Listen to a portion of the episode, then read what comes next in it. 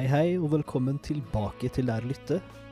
Som du forhåpentligvis vet, så er det her del to av episode sju, som er da en samtale om hiphop, og hva som gjør det unikt. Eh, og det har jeg da med skråblikks Vegard Møller.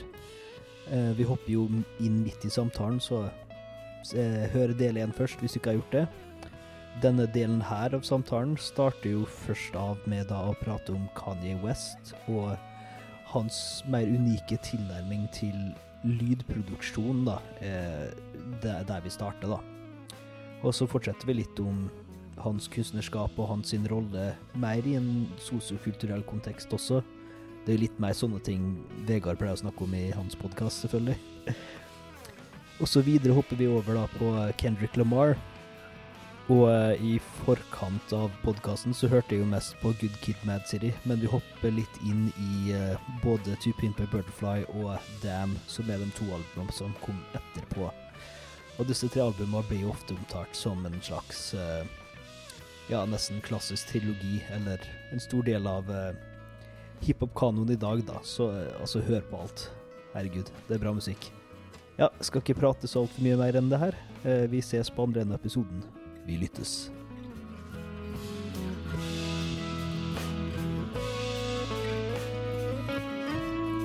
Nå må vi først snakke om eh, stimuli og liksom bare rett sånn der eh, Det er litt mer eh, opplevelse, opplevelsesmessig hiphop, da. Så syns jeg Kani er veien å gå, da. Mm. Og da har vi hørt på eh, My Beautiful Dark Twisted Fantasy. Ja. Det var riktig tittel oppi. ja, det er riktig. Det er en lang tittel. Eh, altså, det Hvis jeg kan si en hovedtese, da, eller en hovedbeskrivelse av det som gjør Kanye unik, og som er hans nyvinning, vil jeg si er hvordan han bruker menneskestemmen i samplinga og i produksjonen. da. Ja. Og det hører du i første låten. Can we get much higher? Ikke sant? Det bare Mm. bom, et stort kor og masse som skjer. Og eh, så jeg har ikke hørt supermye på Kanye. Jeg har hørt på My Beautiful Dark Twisted Fantasy nå de siste par dagene. Og så har jeg hørt litt på Life of Pablo òg, en del. Mm. Ja, eh, back in the day. Men da er det mye mer sånn du kan lytte til det mer passivt og bare oppleve lydene, lydinntrykket. Ja. Eh, altså Tekstene og alt det der betyr jo også noe i hans musikk, det er jo ikke det. Men eh, han er en produsent og en rapper, for det første. Han produserer mye av musikken sjøl. Eh, samarbeider med folk veldig ofte. Han er jo kjent for det òg. Men han har jo en egen estetikk som endrer seg fra album til album. Men Mm. det jeg vil si som går igjen ofte, da, er jo stemmen. da. Han bruker veldig mye soul-kor og eh, diverse sånne ting. Eller sampling av barnestemmer som bare snakker, Ja. sånne ting. Og det er utrolig interessant hvor musikalsk han kan gjøre forskjellige opptak av stemmer og forskjellige sånne ting. da. Ja. Um, men han er vel, mye mer en maksimalist, vil jeg si. ja. Han er veldig eh, Barokk. Veldig ja. barokk. Ja, på et vis. Eh, barokken har jo eh, altså andre parameter enn baro barokken, da, fordi Ja. at Det er ikke peiling, jeg bare tenker Ja, ja. Nei, nei. Et av hovedvirkemidlene i barokken er jo absolutt at det skjer mye, da. Der er ofte polyfoni, da, at det er mange uavhengige stemmer som gjør ting samtidig. Ja. Fordi tanken er litt at mye av musikken er jo skrevet for Gud sin nyttelse, egentlig. ja, det er Og Gud kan jo høre fire ting samtidig. Nettopp. Vi, vi hører mer inntrykk av fire ting samtidig enn vi hører fire ting samtidig. Eh, Hvis du blir flink til å lytte til fuga og sånne ting, så kan du jo plukke ut hver enkelt stemme og sånn, men det er vanskelig å liksom faktisk prosessere alt samtidig, da. Mens eh, eh, mye av det Kanye gjør, er jo ja, til dels det å ikke sant, sette forskjellige element mot hverandre. Ikke sant? At du har uh, Ray Charles, da, i uh, Det er jo Niggas in Paris, det er det ikke det? Der han har uh, She gives me money Og øh, tenker du på Gold Digger? Ja, Gold Digger, ja, ikke sant? Så du har Ray Charles som spiller en gammel soul-låt med den harde biten under, da, ikke sant? Mm, mm. At han tar liksom et veldig gammelt element og et veldig nytt element, og smelle det sammen, og så rappe opp på det igjen. Ja. Um, og så er det jo mye bare lydkvaliteten i ting, ikke sant? Og høre litt på Altså, det er utrolig mye detaljer i lyddesignet, da, Mm. som er verdt å få med seg. Uh, så han er en veldig Ja, for lyttere sånn som meg, da, som uh, har hørt mye på altså, orkestermusikk eller ting som tar mye mer klangdianser og sånne ting som sitt hovedvirkemiddel, da, så er det veldig interessant å høre på Kendrick. Nei, Kendrick sier for Kanye. Mm. For at han, han tenker jo veldig sånn. Det er så masse Det er så mange samples i I det albumet så er det som det er sånn fem-seks obskure samples eh, til hver eneste låt, hvor han tar bare uh, Ja, OK, nå fikk jeg liksom en, den derre Jesus Walks da, fra et annet album, da, men eh, sånn den der dum, dum, dum, dum, dum, dum. Eller han tar bare sånn eh, et obskurt element Ja, ja. fra en eller annen låt som 50 folk har hørt, som han har funnet på en Ja, ja. eller annen måte, og så speeder han det opp, eller på en eller annen måte Han hører på mye musikk. Det, Ja. det er helt klart. eh, hvordan han finner de greiene der. Eller, men, men også det der med stemmen, som du sier. Hvordan han Mm. Ja, bruker sin egen stemme også til å eh, På, på, eh, på Runaway, Ja. hvordan han bruker Han lager nesten en gitarsolo med stemmen sin. ja, ikke sant? Han tar jo for det første autotune og så en del vreng og sånne ting, og bare gjør stemmen til noe eget, da. Og altså, mange sier jo autotune juks og sånne ting, men han gjør det jo eksplisitt til en egen kunstform, da. Det er ikke sånn at han Ja. bruker det her for å korrigere at han Nei, nei, synger, nei. synger dårlig, liksom. Han bruker det på et helt eget vis. For å lage noe du aldri kunne laga hvis Ja, ikke. ikke sant? Og i tillegg på det albumet så har de jo faktiske gitarsoloer under eh, mens han legger stemmen oppå ved siden av. Du hører liksom likheten. Det tok lang tid faktisk før jeg skjønte eh, at det var stemmen hans, egentlig. Ja. Eller for jeg bare tenkte ikke over det, men så gikk det opp med at her er det han som bare har vært sånn Og så har han sunget ting som ikke har vært liksom, Ja. ord. Han har bare Og så Så høres det helt fantastisk ut. Ja. Eh, Det er sikkert veldig gøy å høre mens han lager det i studio, der han bare sitter og Eh, i boothen, og så sitter produsenten og tenker Hva er det som skjer nå? Og så Uh, I'm gonna let you finish, og så blir det, blir det bra etterpå, det er ikke sant? Men oh, det er et av mine favorittalbum noensinne. ja, ja. Det forandra virkelig musikksmaken min også, med tanke på rap Mm. også, for jeg fikk mer et, altså, mer et åpent sinn for Før det så hadde veldig mye alle de tekniske aspektene og sånne ting. da. ja. Eh, Kanye West er jo ikke en veldig veldig sånn teknisk uh, rapper, da. Nei, han er jo ikke Eminem på noe vis. Nei, ikke sant? Ikke i det hele tatt, egentlig. Mm. Uh, og jeg husker jeg, sa, jeg skrev vel noe om at ja, jeg, kanskje jeg bruker noen tekniske rappere, så, sånn som ikke Kanye eller Tupac eller noe sånt. Men så begynte jeg å tenke over det, at det er faktisk noe veldig unikt med hvordan de to, eh, Tupac og Kanye, hvordan de eh, Husker du jeg sa dette med how to rap, og tre, de deler det inn i eh, lyrics og flow og delivery? Ja. Ja, eh, og delivery, det er virkelig der sånne rappere som Kanye West og Tupac virkelig Jeg føler de to har en sånn helt unik evne til å bare Bare pushe seg sjøl gjennom anlegget. Som de bare Ja. Kanye bare fø... Kanye er liksom en sånn veldig lite preten pretensiøs rapper. Veldig lite opptatt av at det skal høres veldig intelligent ut, hva enn han sier. Sånn, det, er, det er så rett fra levera, sagt med en sånn helt vill innlevelse, selvtillit og autentisitet. i, eh, Veldig emosjonell. At han eh, Og han har jo eh, på ganske offentlig basis òg uh, slitt med diverse problemer. Og så mye av det er jo også bare han har hatt en veldig tøff oppvekst. og Mm. Mora hans døde vel rett før My Beautiful Dark Twisted Fantasy, tror du? Ja, eller jeg tror det var rett før um, 808s and Heartbreak. Ja, kan Men hende. det, det, var, det var vel ett et år før, Ja. eller noe, to år før. Eller. Men sånn, i tillegg til å da være bipolar og være veldig Mm. åpen om den lidelsen Jeg tror det var da det utvikla seg. mm. for han, hans del. del. Tok, tok lang tid før jeg skjønte at det var mye av grunnen til at jeg connecta så mye med Ja. Kanye.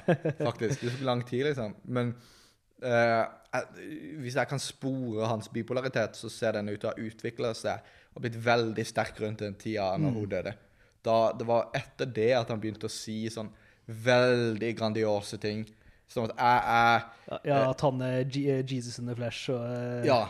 I'm Steve Jobs, I'm Michel Michelangelo, I'm bla, bla, bla, Ja. bla.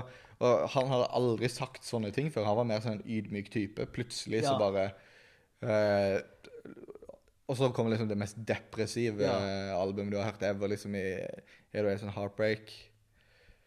Uh, Ja, Ja. og, men altså, at han sier sånne ting, liksom, det er jo like mye symptomer av bare at han er sjuk, eh, enn at han faktisk tenker sånn, da, ikke sant? Men når du er Mm. da så manisk, så tenker du jo sånn. mm, Men det andre er jo at han, at han er såpass opptatt av liksom, Michelangelo, av greske, klassiske tenkere, kunstnere og sånne ting. At em, for min del også, han er absolutt bare en kunstner. Han er ikke kun en rapper, liksom. Altså, han, han driver jo med fashion, han med Han er veldig opptatt av estetikk, og, men på en upretensiøs måte, da. Mm. Selvfølgelig, sannsynligvis litt med Det er jo en appell eh, som jeg syns vi burde snakke om altså, i forhold til hiphop og sånt. da, At eh, det er veldig integrat, det er veldig komplekst. Det er minst like komplekst som eh, diverse symfonier og sånne ting. Bare på helt andre premiss, da. Mm. Så sånn Det at de bare sier 'fuck høykultur', da, ikke sant? Mm. Eller Jay-Z og Beyoncé som uh, spiller inn musikkvideoer i The Louvre. Ja. Sånn, det, det er sikkert enkelte som sier åh, det her er lavkulturelt og nedverdige Ja. kunsten som er i The Louvre. Ben? Shapiro likte ikke det. Ja, Uh, vi, vi kan snakke om Ben Shapiro etterpå. eh, Han har mange grunner til å ikke like det, det der, da. Ja, ja, men at, eh, noen- noen andre at eh, dem også For det første, folk som Kanye, da, ser Ja. verdien i den litt mer gamle kunsten og uh, nyansene der, Mm. men ser ikke på det som et problem med å kombinere det med estetikken til hans kultur og hans musikk. da. Mm. At han uh, løfter veldig opp den filosofien som vi også vil ha litt bak uh, min musikklytting og med podkasten her. Det er ikke sant at alt er bra, og det er en utrolig stor eh, kompleksitet og potensial da, i alle sjangre, i alle instrumentelle tradisjoner, i alt mulig rart. da, At eh, musikk er jo så mye mer enn én ting, da. Og eh, Kani illustrerer det veldig godt, for han, han er jo også en sånn gestalt-type. da, at han eh, altså, For å bare snakke om gestalt-kunstverk, da. Eh, det er jo Wagner, Mm. eh, som også kritisert for eh, nazistiske holdninger og sånne ting. Det får bli en egen episode. Ja. Men eh, det som gjorde han unik i operaverden, da, var jo at han skrev tekstene sine sjøl. Han skrev librettoen, altså handlinga til operaen og tekstene og musikken. Ah. Og designa mye av eh, scener og sånne ting òg. Ah. Så de har jo de har et eget Wagner- Wagner-opera i en sånn liten bygd i, i Tyskland, som ble bygd spesifikt for han, for å kunne fremføre hans opera. da, Fordi at han var så utrolig spesifikk på alle elementer i hvordan han gjorde ting. ikke sant? Ja. Og Der ser du litt i Kanye med musikkvideoene til uh, My Beautiful Dark Twisted Fantasy, da. Mm. Han bruker interessante, moderne kunstnere som regissører til musikkvideoene. Han har et eget fashion-brand som kanskje koster for mye, men altså Easy-effekten er jo real, da. ikke Ja. sant? Ja. Eller bare det at Kim Kardashian nå ses på som et fashion-ikon, er jo sannsynligvis mye takket være Kanye. Det er 100% Ja. Så eh, at han er en uh, helt åpen nyter av the finer things, da. mm. Uh, for å beskrive det ganske dårlig.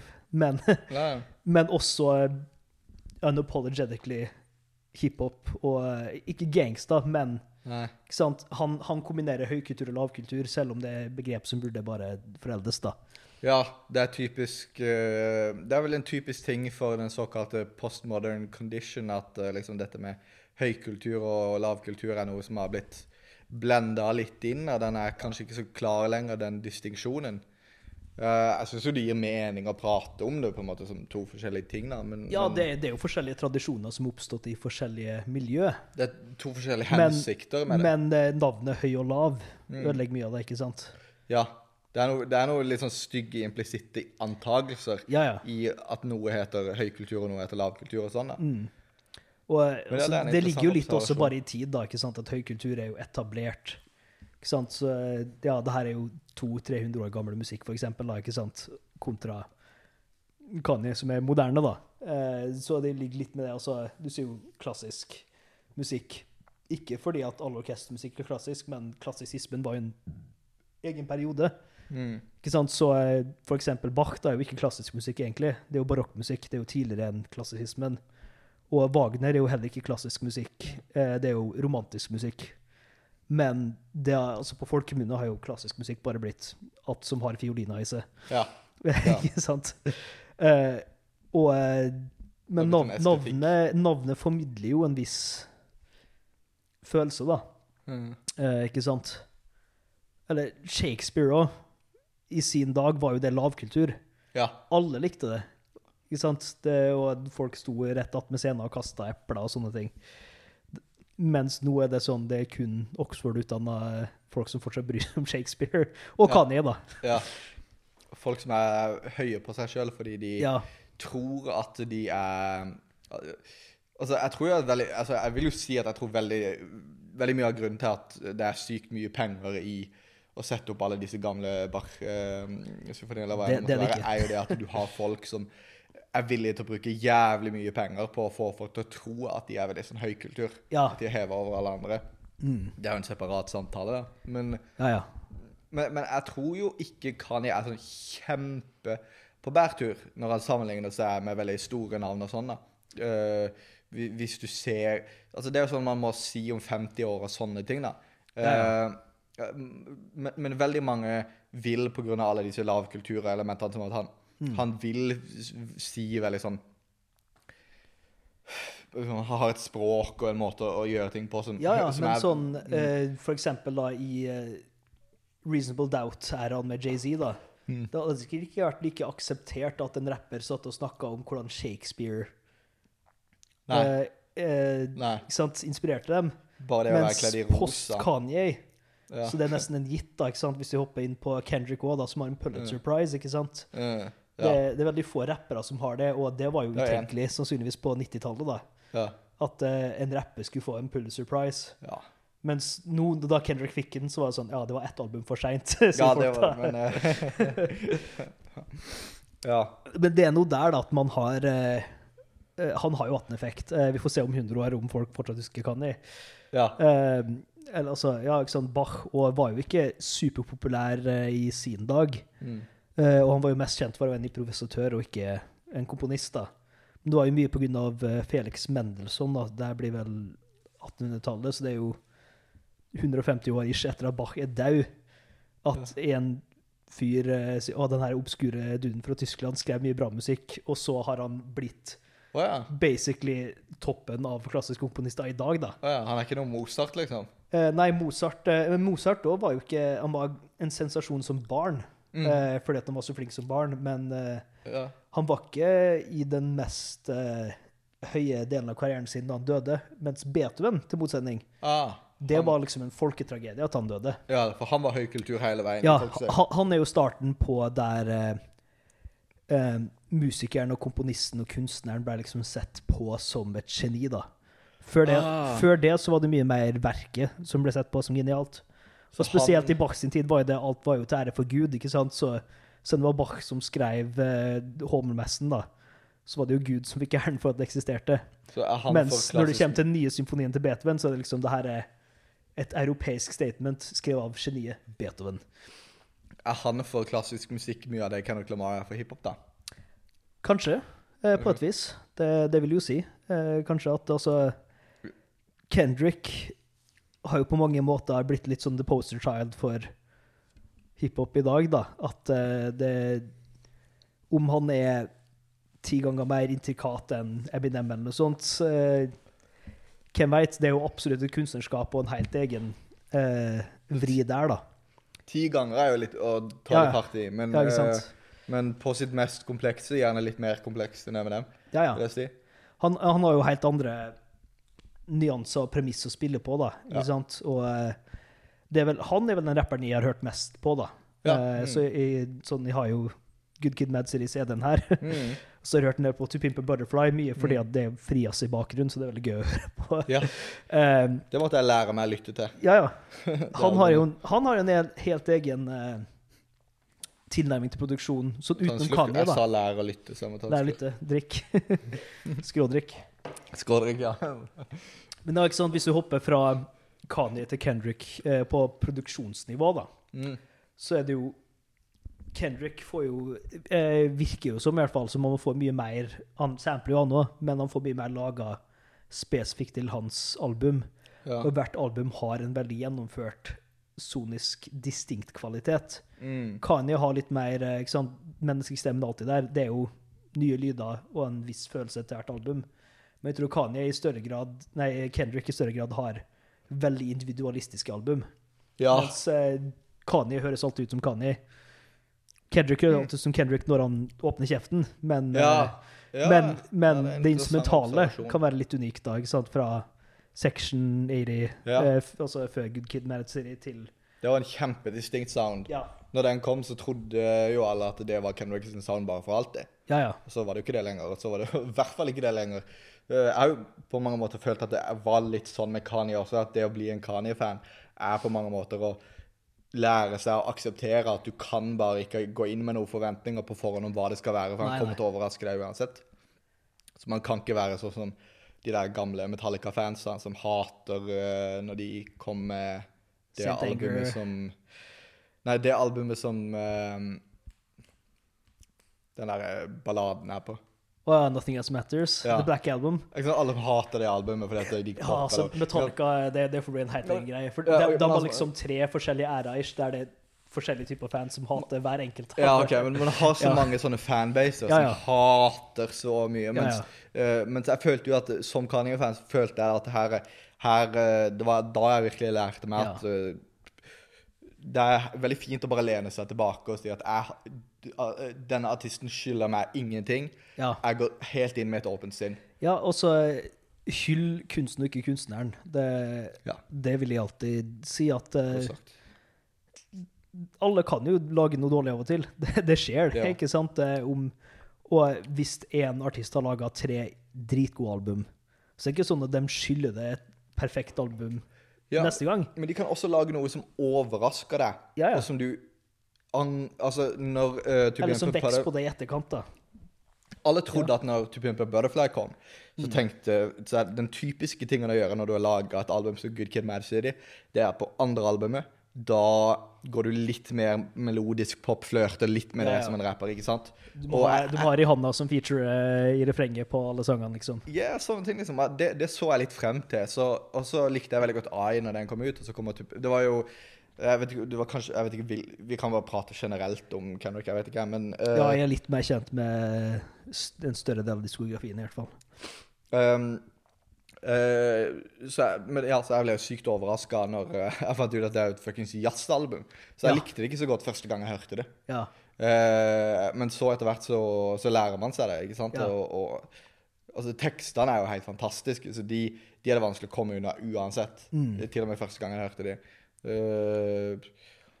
Ja, du hadde mange interessante observasjoner rundt dette her, faktisk, med hvordan altså det soniske For han har på en eller annen grunn klart å bare skaffe seg en gjeng med sinnssykt talentfulle musikere Ja. som er dedikerte og villige til å sette seg ned for å hjelpe det. han med Eh, å lage det neste Kendrick-albumet. Ja, sånn som med 'Pimper Butterfly, eh, og som vi sier, at han går mye mer inn for å bare skape en ny, et nytt backdrop. da, ikke sant? Det er ikke så mye sampling eh, som er hovedvirkemidlet her. Altså, han, han sampler jo, men eh, han har jo med Terence Martin, som er produsenten, og han, han er en sånn figur som har både hiphop-creds og jazz-creds, da, så han spiller jo eksempel ganske aktivt i bandet til Herbie Hancock Ja. som er sånn av eh, jazzlegender som fortsatt lever i dag, er han kanskje den største, da. Um, så du har Terence Martin, du har Thundercat på bass, Ja. som også, er- også har jo mye hiphop-cred, fordi at han lager jo mye kul musikk og synger og sånne ting òg, men også når du hører på basspillet hans, det er jo bebop-chops hele veien. Han er utrolig sånn jazzu, egentlig. Ja. Eh, nå husker jeg ikke i farta Kamashi Washington Ja. må nevnes inn i dette her også. Ja, er han, er han også på Pimp a Butterfly? Å, det mener jeg han er. Ja, ok. Ja, for jeg, jeg husker ikke resten i farta her, da. Men i hvert fall, det, det er sånne navn Mm. som Kendrick tar med seg inn i prosjektet her, To Pimp a Butterfly. Og så har den jo Det er jo et slags konseptalbum, ikke sant, med en Ja. lengre, et lengre narrativ, som man gjorde i Good Kid Mad City også. Absolutt et Men, veldig eh, konseptuelt men- album, alle hans sine. Ja, han, han vokser på en måte et nytt nivå av eh, Det er veldig mye samfunnskritikk da i musikken hans, ikke sant? Mm. Og når du går fra Good Kid Mad City, som handler mye mer om sånn, hans oppvekst i Compton, og hvordan det er vanskelig å være en Good Kid Mad City, Ja. til å så eh, bli en av de mest kjente rapperne på planeten. Mm. Og så møter han en helt nytt sett med utfordringer med at han er en sommerfugl som ja. Amerika prøver å pimpe, ikke sant? Mm. Så han, han slutter ikke med samfunnskritikken. Han, han tar ikke suksessen for gitt, og han fortsetter å være ærlig om alle skyggesidene, ikke sant? Og fortsetter å være introspektiv Mm. gjennom det her òg. Og så tar han det enda videre et steg i Humble, ikke sant? Så det bare, det bare går uh, hele veien, da. Eh, Uh, så han eh, Jeg lurer på hva han kommer med ja. etter eh, covid og sånn. Stakkars fyr, eh, med tanke på alle de forventningene. Ja, Han skaper helt enorme forventninger seg selv med å bare gi ut tre klassikere på rad, basically. jeg tror det, han har samme problem som George R. Martin har med å avslutte. Game of Thrones-bokserien. Det er bare Det er sånn, har alt ja. Alle elsker TV-showet, og så hater alle slutten. Og nå sitter alle bare og venter på slutten til bøkene, som skal Ja, bli bedre. ikke sant? Så Skal redde alt sammen. vi får se hva Kendrick eh, kommer ut med videre. Men uh, igjen, han skylder oss ingenting. Han har gitt oss tre Ja. klassiske album. Det er det, det er det. Jeg håper han klarer også å se det. For det. man merker jo på Dam at han har blitt veldig prega. På Dam så, så merker du mye av angsten som kommer Ja. av å ha laga to jævlig gode album. Ja. Eh, spesielt ett ja, altså, Butterfly tror jeg vi kan si allerede at det er et klassisk album. tror jeg vi kan si. Ja. Det, Det, er, Det er sånn uh, Good Kid blei omtalt som det, og så bare overgikk han seg sjøl. Ja, nettopp. Nettopp. Uh, vi vi prata om eh, lyrics, delivery, flow. Ja. Farge, for eksempel. Det tror jeg er noe som, så, som Hvis man skulle prøve å oppdatert elementene Dette må ha liksom en sånn Dette med at det er en litt sånn underliggende stem... Altså, visse ord Tone. passer ikke sammen. Tone, kanskje? Eller Jeg, jeg vet ikke. Ja. Uh, jeg, jeg, jeg, klarer nok ikke å Jeg tror ikke jeg har et veldig sånn teoretisk begrep her. Ja. Men det er noe med at visse ord passer sammen. Og jeg kan merke med en gang når noen rappere bare ikke har evnen til å skjønne hvilke ord som passer sammen, fordi plutselig kommer det et ord som ikke passer. Vet ikke, men, men, ja, At de prøver kanskje bare å være Eminem og komme med liksom det mest eh, fantastiske obskure ordet, og så passer ikke det inn i konteksten. Ja, Men den har faktisk blitt en av de absolutt verste på dette. Ja. Med at han i den mest alvorlige sangen så har han en eller annen dick joke. ja. Fordi at det er en veldig bra sammenligning. Veldig ja, bra for det er en god stimuli. Ja. Ikke sant? Det er jo en stor del av hiphop bra similis og sånn, men, ja, det er det. men eh, jeg vet at Kenneth Lamar sin skrivestil er jo at han forankrer hver eneste låt i en følelse eller en intuisjon eller en opplevelse han hadde. Mm. Og så har, han, han sier liksom han har en eller annen samtale med en eller annen åtteåring, og så sier de det, og så bare med en gang så skjønner han det her er en sang. og Mm. Ja, så ja. prøver han bare å huske denne sangen. Sånn, Han husker en følelse. Og Ja, han det prøver å krystallisere kommer øyeblikk. han som- krystall, ja, nettopp. Og idet den riktige biten kommer, så bare skriver han alt sammen. Mm. Og det tror jeg gjør at ja, Dem er det beste eksempelet på hvor hver eneste låt er Altså, halv, halvparten av de er en av de syv dødssyndene. Ja. Så har du i tillegg gjerne ofte noen av motsetningene går inn, liksom Uh, Humble, uh, pride, ikke sant. Um, Ja, det er veldig gjennomført uh, uh, Dam-albumet, ja. Med veld, veldig. titler og alt. Um, så, så, så, så det er vel ett eh, punkt hvor uh, Kenneth Lamar skiller seg ut også. Men greia med Kenneth Lamar er jo også at han er en um, eh, Han har studert alle sammen. Så han har på mange måter bare tatt eh, Eminem og Tupac og JC og Kanye og Nas og tatt alt det beste fra alle og bare blitt som en sånn perfekt Som om noen Ja, han har, des han har destillert Ja. eh, veldig mye av hiphop-historien på en måte inn i Ja. hans eget sound, da. Han har tatt det beste fra alle Mm. og bare blitt som en sånn Som Frankenstein-monsteret, liksom. Som Ja, ja. noen har bare Hvordan lager vi den beste rapperen? Så han er ikke, han er ikke Vil du si han er ikke så veldig identifiserbar inn i én skole, på en måte? Han er litt mer en eh, generalist, da. At han Det er ikke sånn at han er klart West Coast, på en måte. Han Det er tydelig at han har hørt på alt, eller? Ja, det er akkurat det. Det er vanskelig å putte han i noe bås, Ja. liksom. Han er i Kendrick-båsen. For dette, det er jo Man ville jo sagt at det er gangsterrap i kraft av at det er liksom virkelig orientert rap, rap om hans eh, hans forhold, uh, hvor, han, hvor det blir liksom implisitt politisk, uten at det er liksom eksplisitt politisk, bare ved å gjøre rede for hans Ja. liv og alt dette. Det, det er jo sånn som med Jay-Z, du kommer liksom ikke unna politiske kommentarer fordi at virkeligheten din er såpass forma av det, da. Og eh, du kan jo ikke synge om din virkelighet uten å nevne da hvordan politikk har Ja. kommet inn på det, da. Rett og slett. Det er jo en ærlig, det jo en ærlig musikksjanger som jeg tror country på mange interessante måter har paralleller her, da. Ja, Fordi at eh, Enig. Eh, Pop-country i dag er jo en annen ting, men uh, Country er jo helt ødelagt, selvfølgelig. Country er jo ødelagt, det, men det, det, country det, var mye, bra. det er mye kult uh, der ute. Man må bare Ja. leite litt. Okay, ja. Men, men veldig lenge så har jo det vært stemmen til fattige hvite amerikanere i Appalachia-området. ikke sant? Eh, Så country bluegrass har den ærligheten også til grunn, da. Um, skrev en artikkel i Unicum Self-Plug uh, om uh, countrys svarte origins, men eh, det får bli en annen oh, ja. ting, da. Ja, Men nå har vi også kjørt på i nesten en og en halv time, Oh. så vi må jo eh, ikke gi folk for mye Nei, nei, nei. å tenke på. Men eh, har du noen spesielle punkter på hiphop du har lyst til å slenge inn? Off, jeg prøver å tenke Mhm. Vi kan jo bare i hvert fall nevne altså Når vi snakka om Ben Shapiro i sted, da.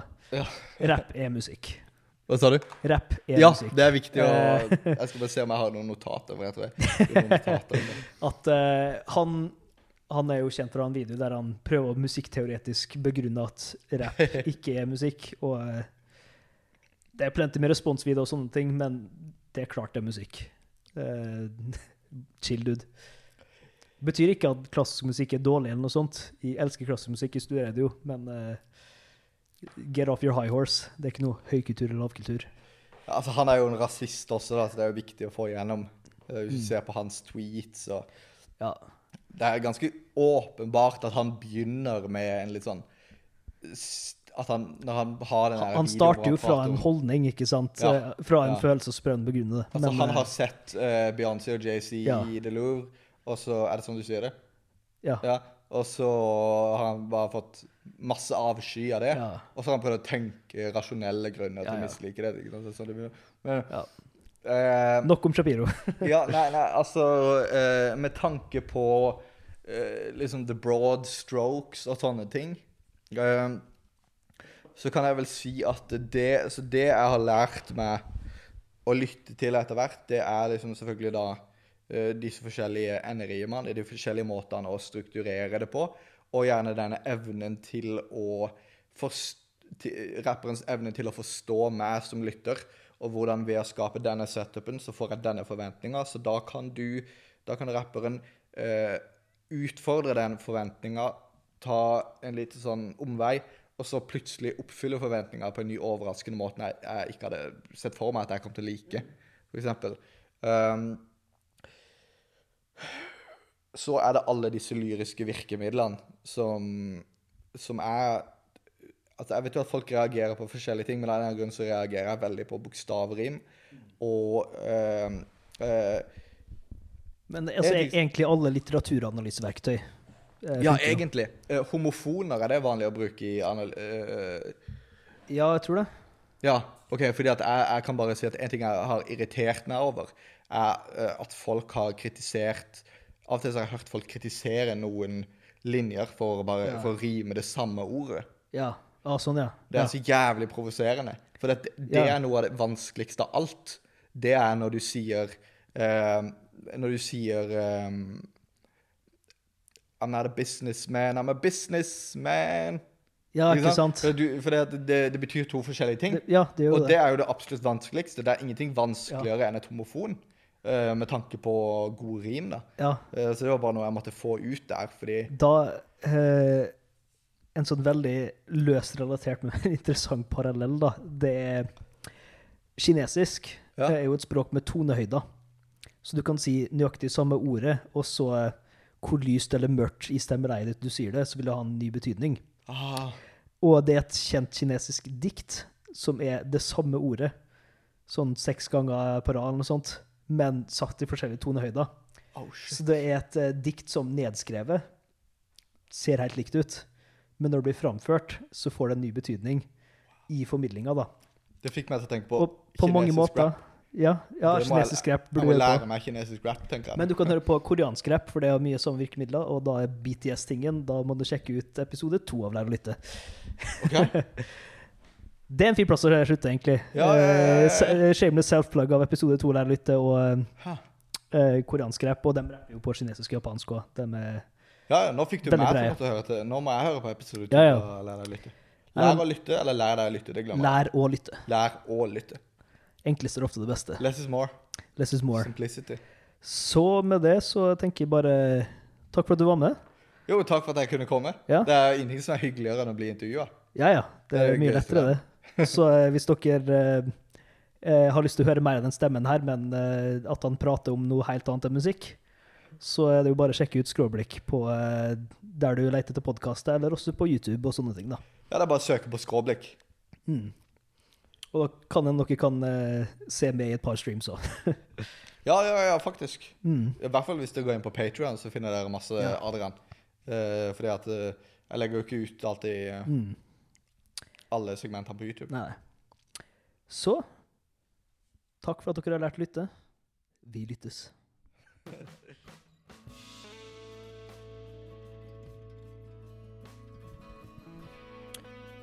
Og det konkluderer Lær å lyttes episode om hiphop. Jeg vil bare slenge inn et- en liten sånn uh, fact-check-bit på slutten her, for det var et par ting eh, jeg innså mens jeg redigerte her eh, var litt misledende, kanskje. Eh, først ut er da når vi snakker om eh, Richard Wagner og gestaltkunst, altså Eller gestalt. i, dag I forbindelse med Kanye West og måten han bruker flere kunstformer til å uttrykke seg sjøl på, da. Eh, gestalt kunne jo blitt brukt til å beskrive det, det betyr jo en helhet som er større enn delene, men uttrykket jeg egentlig mente å si, var geschamt-kunstverk, som er da også et eh, uttrykk som blir brukt eh, av Wagner om hans kunstnerskap, og det er da rett og slett et kunstverk som benytter seg av flere kunstformer for å oppnå en slags total helhet av inntrykk, da. Og så må jeg også bare rette opp bitte litt i tidslinja når jeg da snakker om Bach, og hvordan hans musikk eh, i stor grad har blitt da eksponert for oss i dag igjen av Felix Mendelssohn. Eh, han Felix Mendelssohn er ikke 150 år etter Bach helt, men nærmere 50-60, da. Mens det er 150 år siden han begynte å popularisere verkene hans, da, spesielt Matteus-personen. Så må jeg også bare veldig kjapt nevne produsenten på To Pimple Butterfly av Kendrick Lamar. Produsenten heter da Terrace Martin, og ikke Terence Martin, som vi sa i samtalen her.